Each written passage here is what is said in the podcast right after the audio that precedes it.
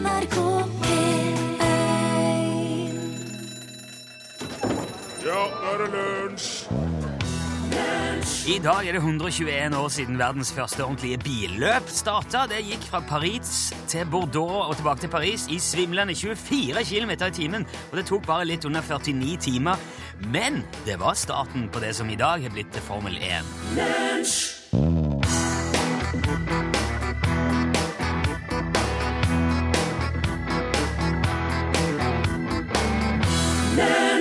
For en herlig dag! For en lystig gjeng, Børge Johansen. Ja, vi er litt av et gjeng, Nilsson. Du var jo Joker Valentino. Jeg er redd. Han begynner så fint, og så går han over i uh, frykt. Eh, men låten er fabelaktig uansett. Klassiker. Du Ja. fikk den i lunsj. NRK P1. Har du noen gang, Børge, sagt til dine barn at uh, hvis de vil ha dessert, da må de spise opp maten? Ja, tenk på alle de ungene rundt omkring i verden som ikke har mat.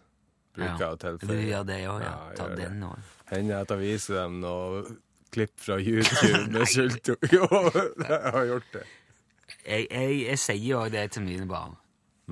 For kan vi få dessert? Ja, vi må jo spise opp, da. Mine foreldre sa det til meg. Det er bare de som spiser opp middagen, som får dessert.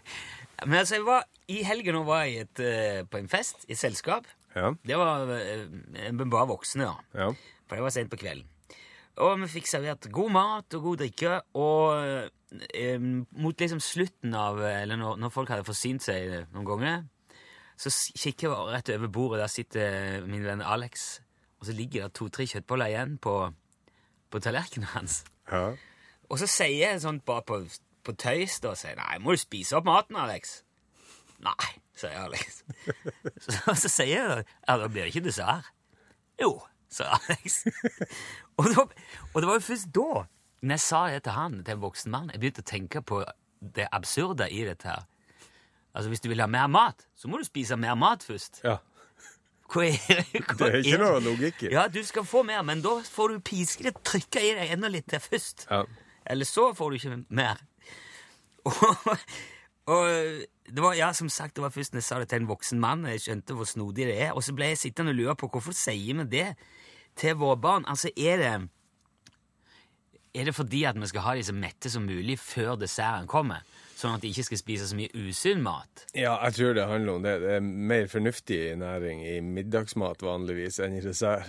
Eller er det fordi at barn generelt spiser for lite, så du må passe på at det kommer noe inn? Ja, Det tror jeg nok iallfall var viktig før. Eller er det bare fordi at vi fikk den samme beskjeden når vi var små? ja. Ja, jeg, jeg vet Altså, jo mer jeg har tenkt på dette, her, jo, jeg har jo tenkt at mine barn får jo i seg den maten de trenger. Jeg bør ikke følge etter dem og true, de, true i dem mat. De klarer å regulere det sjøl. Noen ganger spiser jeg kanskje litt mindre, andre ganger er det masse.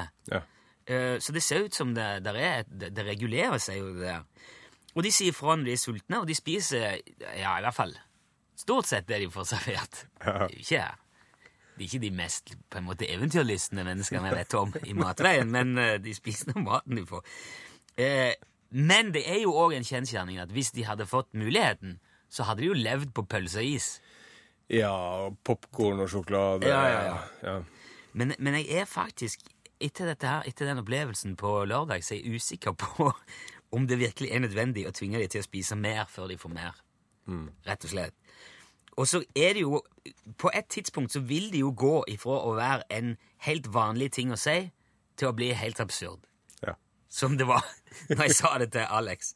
Og jeg vet ikke helt når det skjer. Jeg kan ikke huske når mine foreldre slutta å be meg spise opp maten før jeg fikk dessert. Men eh, jeg må si, etter, den, etter den opplevelsen så har jeg vurdert å bare kutte det ut. Coldplay og Beyoncé, 'Hymn for the Weekend'. Det er jo, eh, altså Frank skriver at det å lære barn å spise opp maten sin er fortsatt viktig lærdom, fordi at da lærer de kanskje etter hvert å ikke ta mer mat enn de klarer å spise opp. ja. For da at jo- kastes veldig mye mat, og det er et veldig godt poeng nå. Det er det. Eh, så når de sitter der og er så kvalm at de ikke fikser dessert, så Det er learning the hard way, det der. Ja, det er det. Ehm, ja. De, uh, jeg hadde egentlig tenkt å snakke litt om drømming, for at, det er jo ikke, ikke småtteri hjernen nå er i stand til å finne på når vi sover. Nei? eh, Du kan jo gjerne drømme ting og, og og om folk og situasjoner som du ellers aldri hadde klart å finne på. Som at du er ute og plukker molte med Steven Spielberg, og så kommer det en, en gjeng med vikinger som har ramla ut av et tidshull, og så blir de så imponert fordi at du har GPS på telefonen at de gjør deg til høvding. Og så har du det gående. Det, ja, det, er bare, det er jo ingenting i drømmeverden. Og- Og jeg er veldig dårlig til å huske drømmene mine. De glipper som regel eh, før jeg står opp. Det som kan ligge der med en gang og synes at det var jammen spesielle greier, og så når du da kom på badet, så er det vekke. Ja. Da husker jeg ikke. Eh, men det er noen som har kontroller over drømmene sine, som eh, Det kalles bevisst drømming. Ja vel? Og de som eh, på en måte behersker det Altså, jeg vet jeg har opplevd det, men det er noen som behersker det. De kan være fullstendig klar over at ja, nå drømmer jeg, og eh, ja, nå skal jeg gjøre sånn, og så skal jeg se hva som skjer da. Ja, men nå kan jeg jo De kan gå inn og styre drømmen og, og få det til å Ja vel? ja, eh, bestemme hva som skal skje, rett og slett. Og jeg vet, som sagt, jeg har opplevd det før, eller jeg, jeg vet at jeg har drømt, og så skjønt du, dette her er jo en drøm. Nå kjenner du det igjen. Ja, ja. Og det skal visstnok skje oftere i barndommen enn senere i livet. Ja. At du, at du opplever din første bevisste drøm ganske tidlig i livet. Men man kan trene seg opp og få ganske god kontroll på drømmene sine som voksen, og nærmest drømme på kommando. Du kan bruke det nesten som sånn eh, ja, som et verktøy eller som Ja. underholdning. Jeg vet ikke. De, de som har bevisste drømmer, beskriver det gjerne som spennende og fargerikt og fantastisk, og, og det blir gjerne sett på som en spirituell opplevelse, som kanskje forandrer livet og, og måten de ser verden på. Så du er jo i en slags grenseland mellom fantasi og virkelighet og overnaturlighet og alt det der. Og, og noen sier at bevisst drømming er den der ut av kroppen-opplevelsen. Ja. At det Altså, det, det, det flyter litt Sånn når folk har forlatt kroppen sin og flyttet rundt i rommet og sett seg sjøl ovenifra og sånn, det, kan, det mener, hin- hintes der om det kan kanskje være bevisst drømming. Men jeg syns det høres gøy ut. Ja. Og, jeg, og jeg, jeg, hvis du kunne drømme bevisst når du ville, da hadde du aldri kjeda deg, eller Du hadde ikke trengt I hvert fall ikke trengt noe Facebook på mobiltelefonen. Du har ikke trengt å se film eller spilt eller noe. Hvis du, hvis du ikke har noe Hvis du skal Jeg tenker spesielt på fly. Ja. Lange flyreiser. Ja. Ja, nei, da, da jeg, blir jeg bare superhelt i noen timer. Så flyr jeg rundt og redder vakre jomfruer i nød og slukker branner og Ja. fakker bankrøver og gjør sånne ting. Ja. Mens, mens vi Istedenfor å sitte i det der sure flysetet og, og stua. Det ville jo vært som å ha sin egen personlige virtuelle kinoopplevelse og fornøyelsespark oppi hodet hele veien. Gratis. Du er aldri tom for strøm og Ja. Og det skal ikke være noe farlig å drive med heller, fordi at eh, eh, Det er ikke sånn at man forsvinner inn i drømmeverdenen og mister vettet og forstand og blir sånn uh, fanga inni der. Sånn Inception. Nei, men man, det kan jo settes et preg på dagen. Altså Hvis du våkner av at du drømmer at f.eks. Ja, et eller annet kjipt har skjedd med ungene dine eller kjerringa di, eller uansett, Ja. og så våkner du, og så Eller hvis du, hvis du har altså, drømmer at du har krangla med noen, så våkner du, og så sett, kan jo den der ugne følelsen av at du har eh, Ja. Vært uenig med noen, kan jo sitte i en stund. Ja, det kan han, men det skjer jo ikke det når du styrer drømmen sjøl. Da kan du bare 'Å, ja, det er en drøm'. Ja, men da drømmer jeg bare at vi blir enige, og at vi vinner i Lotto. Og så kjøper vi båt, og så reiser vi på ferie, og så er, er det fint vær hele veien. Ja. så hvis eh, eh, Jo, for man, man, når man er klar over at man drømmer, så er skillet mellom fantasi og virkelighet det er helt tydelig. Så det er ingen fare med det, sier man. Så hvis jeg kom over et helgekurs i bevisst drømming, så tror jeg nesten jeg kunne vært truende til å melde meg på. Ja. For jeg syns det er kjedelig å reise langt med fly. altså.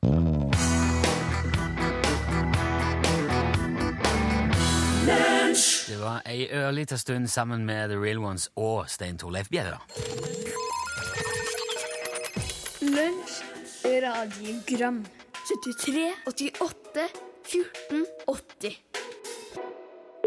Hei karer, det er Roy som ringer. Hei, Roy. Jeg tenkte jeg skulle fortelle en eh, liten historie om eh, tilfeldigheter. Yeah. For på mandag var det jo Sveriges nasjonaldag, og da fortalte jo Børge om eh, sin gamle Saab 99. Og det ble spilt en sang som het Saab 99.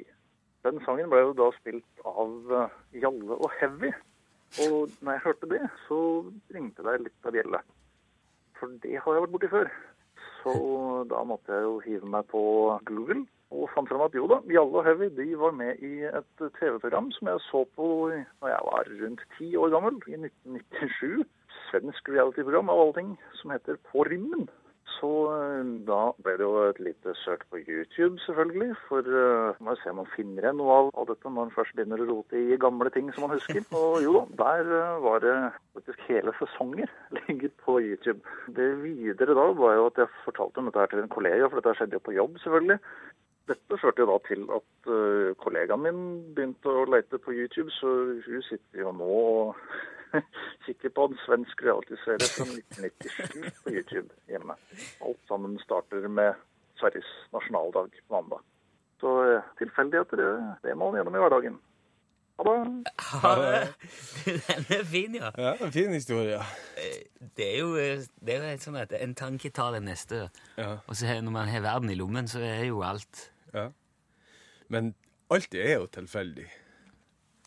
Altså ja, du Med kan mindre jo- det er planlagt. da. Ja, men du kan jo planlegge så mye du vil. Resultatet blir jo aldri som du hadde tenkt. Altså, Nei. alle valgene du har tatt i livet, bevisst eller ubevisst, har jo ikke blitt sånn som du hadde tenkt, og dermed er det jo tilfeldig. Ja, det er vel kanskje det. Og det er jo herlig. ja, det er fint. Ja, hallo, lunsj. Det var en Tor fra Stavanger som ringer. Hei, Tor. Det er mye triste nyheter å høre på radioen. Det er terror og, og bomber. Men av og til så kommer det noe litt eh, lystigere. Og jeg hørte nettopp forleden på nyhetene fra Haugesund. Politiet hadde blitt oppringt midt på natta klokka to. Og hadde blitt forstyrra av en som satt og øvde seg på gitaren klokka to om natta i båten sin. Han var 62 år, viste det seg. Så uh, politiet kom jo da på plassen, og, og han fikk beskjed om å øve mer, men på dagtid. og så var det en annen ting som jeg eh, vil gjerne ha et råd. Kona vil gjerne plante noen busker på hytta, og jeg er ikke så helt hippen på det. Men da trua hun med at uh, hun skulle få fatt i noen buskmenn til å gjøre denne jobben der. Er det noe jeg bør være engstelig for? Ha det. Ha det buskmenn? Buskmenn, ja. Eller san, sanfolk, som det òg heter. Sanfolk? Ja, det er flere folkegrupper i det sørlige Afrika. Som eh, nomadisk, eh, tradisjonelt sett, da. Tror de har god greie på det der. Buskplanting på hytta? Ja. Jeg, jeg, jeg, skjønner ikke helt at det er en trussel. Nei, jeg skjønner ikke heller det. Det kan være veldig koselig, det er jeg sikker på. Ja, det er jo en, det er nå en bedt å fare for å plante et par busker Jo, på hytta. ja, det, kanskje da. det er det som er trusselen, at det kommer til å bli veldig Det dyrt. blir dyrt, ja. Ja. Det er ikke noe bellybilletter fra sørlige deler av Afrika. Men det var en ting jeg beit meg merke i med han der han karen som eh, øvde på gitaren. Altså, han sier eh, politiet ble oppringa eh, klokka to midt på natta. Er det, er det klokka to som er midt på natta? Ja, det er jo eh, Da er jo natt, da er det ikke det? Eller er det tre som er mer midt på natta? Ja, men klokka seks er det jo morgen. Ja, det er det i hvert fall. Fi, fire Altså fem syns jeg er morgen. Fra fem er morgen. Ja, Når begynner natta, da? Ja, mellom to og tre, ja. Kort natt, da. Ja, Men det kommer helt an på hvordan du uh... Så det er kveld klokka ett? Nei. Nei, det er jo natt. Det er natt. Det er vel kanskje natt klokka tolv. Ja, Men du, det. altså, det er jo ikke uvanlig at man kanskje drar det forbi tolv. Og da er man jo oppe om natta. Ja, ja, ok. Så hvis mens- tolv til fem, da, så er det halv tre som er midt på natta, sånn egentlig. Er? Jo, men da syns jeg tolv er Nei, to er innenfor. Ja, det er greit. synes jeg Ja. Jeg skjønner jo jeg sier to midt på natta, skjønner jo hva de mener. Ja. Og jeg tror jo òg at hvis jeg hvis det var rett med sida hos meg, Ja. øvingen pågikk, så hadde jeg òg syntes det var greit hvis det ble heller utsatt til dagtid. I hvert fall hvis det var nødvendig Ja. å øve. Ja. Hei. Nå er det tørt her på Sørlandet og bare på Strand. Det er så tørt at i Gjerstad der får du ikke lov å gå i skauen hvis du har halsbrann.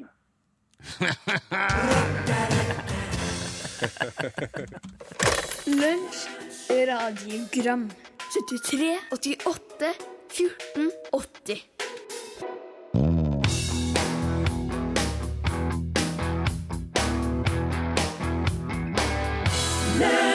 Du hørte Annie Lennox 'Walking On Broken Glass'. Den er ifra eh, 1992, Ja. så den eh, kan ikke trekkes inn under 80-tallet. Så da får vi finne på noe annet, for det er jo tross alt mandag, kompis! Altså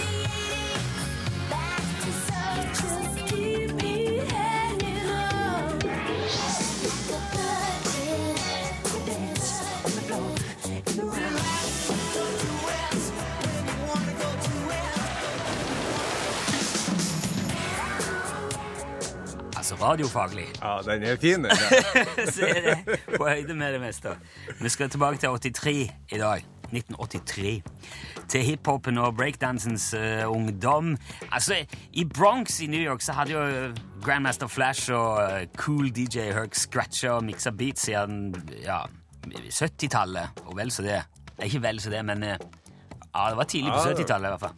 Um, og, men i Norge så var det ikke så veldig mye man visste om breakdance og hiphop og den slags ting eh, i 83.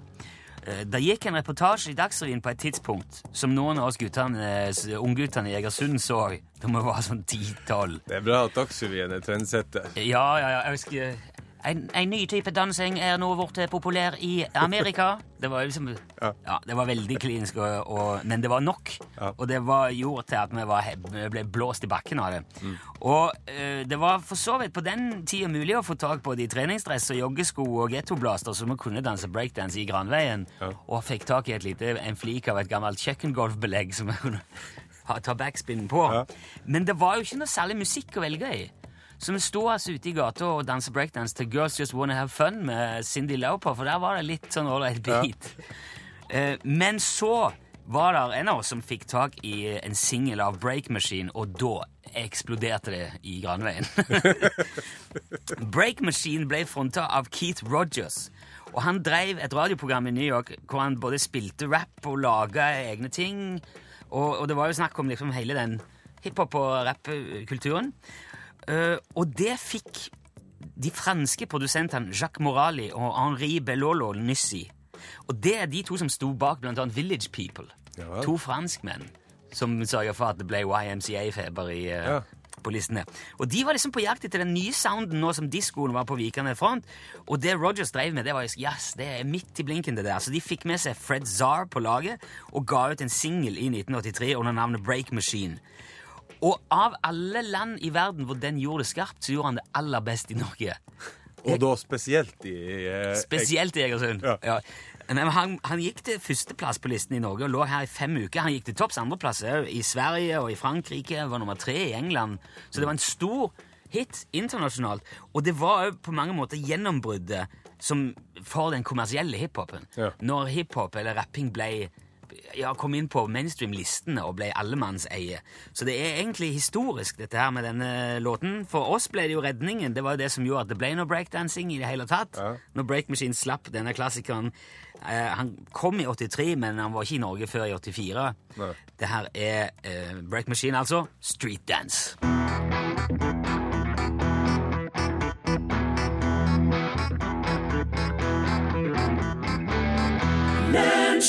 Du uh, eh, Street Dance, Break Machine. Det gikk opp for meg nå at det, var, det er jo ikke noe rapping her. De synger jo bare hele veien. Ja.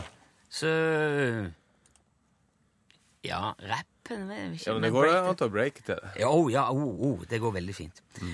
Det, nå leter jo, som jeg var innom på et par eh, anledninger forrige uke, så leter jo NRK nå med lys og lykte etter oppfølgeren til Der ingen skulle tro at noen kunne bo. Suksessen til Oddgeir Bruaseth. Ja, Den enorme suksessen. Fantastisk programserie. man må jo følge opp med et eller annet, noe lignende konsept, et eller annet som kan fenge på samme måten.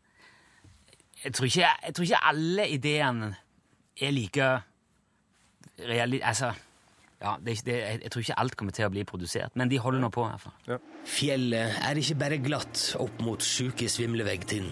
Det går innover. Hellinga er negativ, som de sier på folkemunne her oppe, eller strengt tatt litt lenger ned i dalen, for her bor det ikke folk. Familien til Svein Otto Støladragsland har ikke bodd her oppe i over ti generasjoner, og det er det en grunn til. Du vet at eh, skulle du ha geiter opp her, så måtte de hatt propell.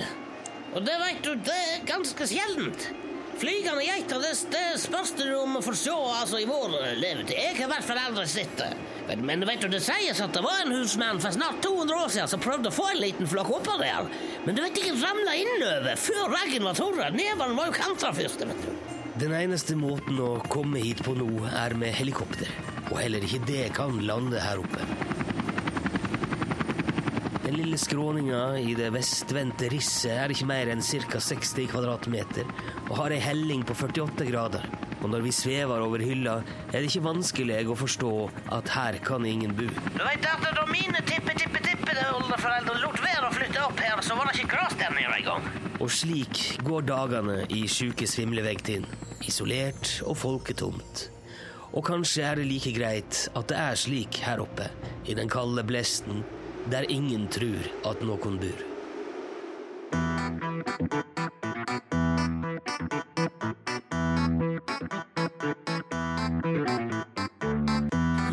Sia.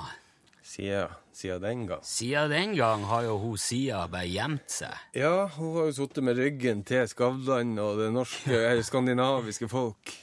Det var chandelier, dette her. Det er jo artig, det der, for hun var jo uh, hun- Hun viste seg fram før. Ja. Eh, men så fant jeg ut nei, dette her skal ikke være med på. Dette her kjendiseriet og, og uh, utseendejaget. Ja. Så nå gjemmer jeg meg bare. ja, det er litt Jeg skjønner jo. Ja, jeg liker Jeg syns det må jeg. Ja. Må gjerne gjøre det. Jeg synger fint fortsatt. Det var noe helt annet. Eh, det er jo veldig mange typer psykiske lidelser som kan forårsake for- all verdens slags vrangforestillinger. Mm. Noen kanskje hører stemmer og har splitta personlighet og tror kanskje at de blir forfulgt, eller lager sin egen virkelighet der de, der de tror det foregår mystiske ting. Ja. Det er ikke veldig uvanlig på noe vis. Og, og det kan jo gjøre at man eh, eh, i, i gitte situasjoner tror man blir forfulgt av kriminelle eller overvåket av myndigheter og sånn, eller tror kanskje bare, eller at ektefellen er utro, for eksempel. Ja. Men innbiller seg ting, da. Men eh, eller når det er en psykisk lidelse eller en ubalanse, så er det jo innbilning. Men det kan jo selvfølgelig være helt reelt òg. Det foregår jo mye rart. Ja. Og uh, selv om en psykolog kanskje tror at det er innbilning, og når det skjer, så heter det Martha Mitchell-effekten. Altså at det er tilfellet, men psykologen tror ikke på det. Ja. Så når du, når du får beskjed om at nei, du innbiller deg ting, og så viser det seg senere at nei, det gjorde slett ikke, det er Martha Mitchell-effekten. Martha Beall Mitchell var gift med John Mitchell, som var justisminister når eh, Nixon satt eh, som president. Ja. Eh, I hvert fall i periode. Så han var, ja, han var justisministeren, attorney general for Nixon-administrasjonen. Og hun påsto på et tidspunkt at uh, her, du vet du, det foregår ulovlige og tvilsomme greier i uh, Det hvite hus. I vår øverste valgte styre og stell, der er det eh, Det er ikke bra. Nei? Og eh, det, dermed ble det konkludert med nei, hun lider av vrangforestillinger, hun er mentalt ustabil. Og så var det jo noen som brøt seg inn på det her Watergate. eh, Ja. og så ble det jo tydelig at det foregikk i aller høyeste grad tvilsomme greier. Og dermed fikk hun, Martha Mitchell, tilnavnet Watergates Cassandra. Etter, etter Cassandra i den greske mytologien. Altså, Cassandra i gresk mytologi var så vakker at Apollo ga hun evnen til fremsynthet, eller gjorde henne synsk. Ja. Så du, du, siden du er så pen Det var nok som et sjekketriks. ja. Hei, Hei, du. Ja, jeg liker deg så godt, så du skal få være synsk, du. Ja. Men så var ikke hun Cassandra noe særlig hypp på Apollo, da. Så hun gjengjeldte ikke hans uh, hengivenhet. Og da ble han sur, og så sa han greit, bare vær synsk, du, men eh, nå skal jeg gjøre det sånn at ingen tror på det du sier. Så hun gikk rundt og var synsk, så alt som kom til å skje, prøvde å advare folk, ingen trodde på det. Og siden har det jo vært sånn. ja. Det er Cassandra-komplekset eller fenomenet eller syndrom eller hva du vil. Eh, Etter Watergate-skandalen så ble jo Martha Mitchell langt på vei renvaska, selv om ikke alle påstandene hennes har blitt bekrefta på ordentlig. Altså, Hun sa blant annet at um, da hun og mannen var på besøk i California, så ble han kalt tilbake til Washington, og da ble hun uh, tatt og dopa ned og, og passa på. Så, han han var vakter rundt henne Ja. som passa på at hun ikke skulle ta kontakt med noen media og fortelle hva som foregikk, at mannen var Ja. kalt tilbake. da. Det har de ikke klart å finne ut av. Men uansett så kalles det altså Martha Mitchell-effekten når eh, vrangforestillinger viser seg å være helt korrekte eh, forestillinger. Og det er jo Altså, i retro, i ettertid Ja. Når du ser på Hu og Nixon, så er det jo ingen tvil om hvem som trakk den lengste enden av kjeppen av de to, i hvert fall.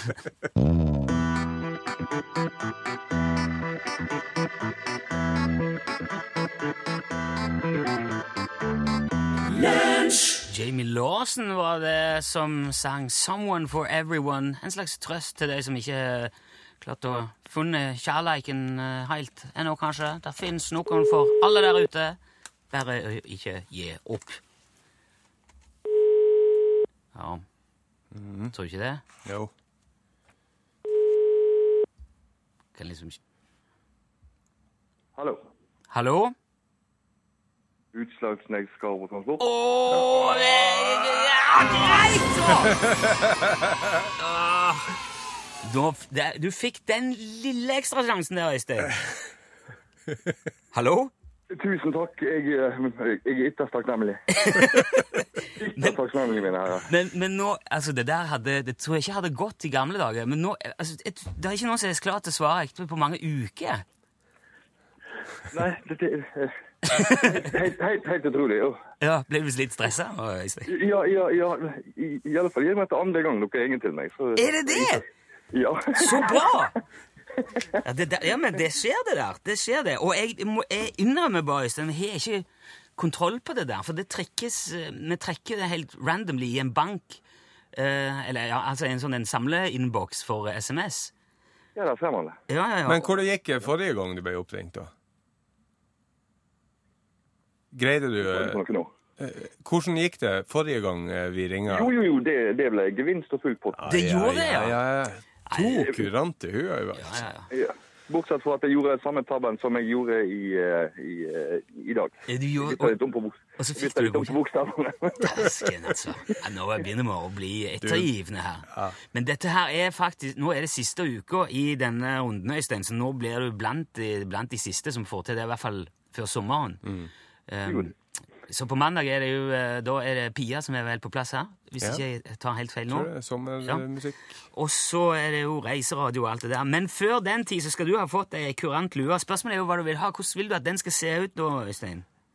Du, forrige gang så tok vi jo en eh, svart en. Ja, Så da må vi jo ha litt forandring. da må ha kamuflasje. Ja, ja det, det må vi ha. Men den går i posten til Ytre-Arna i dag, den, Øystein. Du og du. Ja, det er storveis. Men du skal ha takk for at du eh, meldte på, og at du svarer og er med igjen.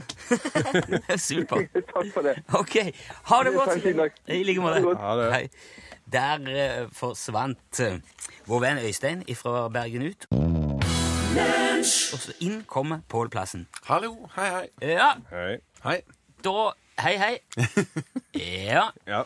Du, det slår jo meg at uh, Det er lenge siden. Vi har litt god tid. Ja, og da eh, er det en liten uh, selskapslek. Og Den gir du til Børge. Som, Ja. Ja, Hva er kategorien i dag? Det er jentekveld. den har vi venta på. Hva er det absolutt sterkeste narkotiske stoffet du har prøvd?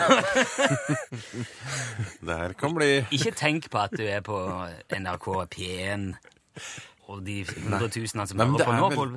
er så lett å svare på. Åpne. Ingenting. OK, Nei, det er helt sant. Ingenting. greit. Eh, hva er det første du sjekker hos en ny gutt du treffer? Og, eh, for eksempel hvis det hadde vært oss to, da, Børge. Ja. Det må være øynene, da. Ja, okay. Ja. Mm. Hygiene. Skal vi bort og lukte, da? Ja, hva skjedde? Hva lukter av meg selv. Men, hvis, men hvis jeg skulle Hvis jeg hadde vært en jente som hadde vært kjempeglad på hvitvin her nå, og sånn, så jeg vet ikke, liksom Hvis man skulle satt seg inn i jentekvelden, da, hvis du skjønner, Ja. hva man skulle sagt da Men da tror jeg kanskje det hadde vært eh, eh, humor, kanskje.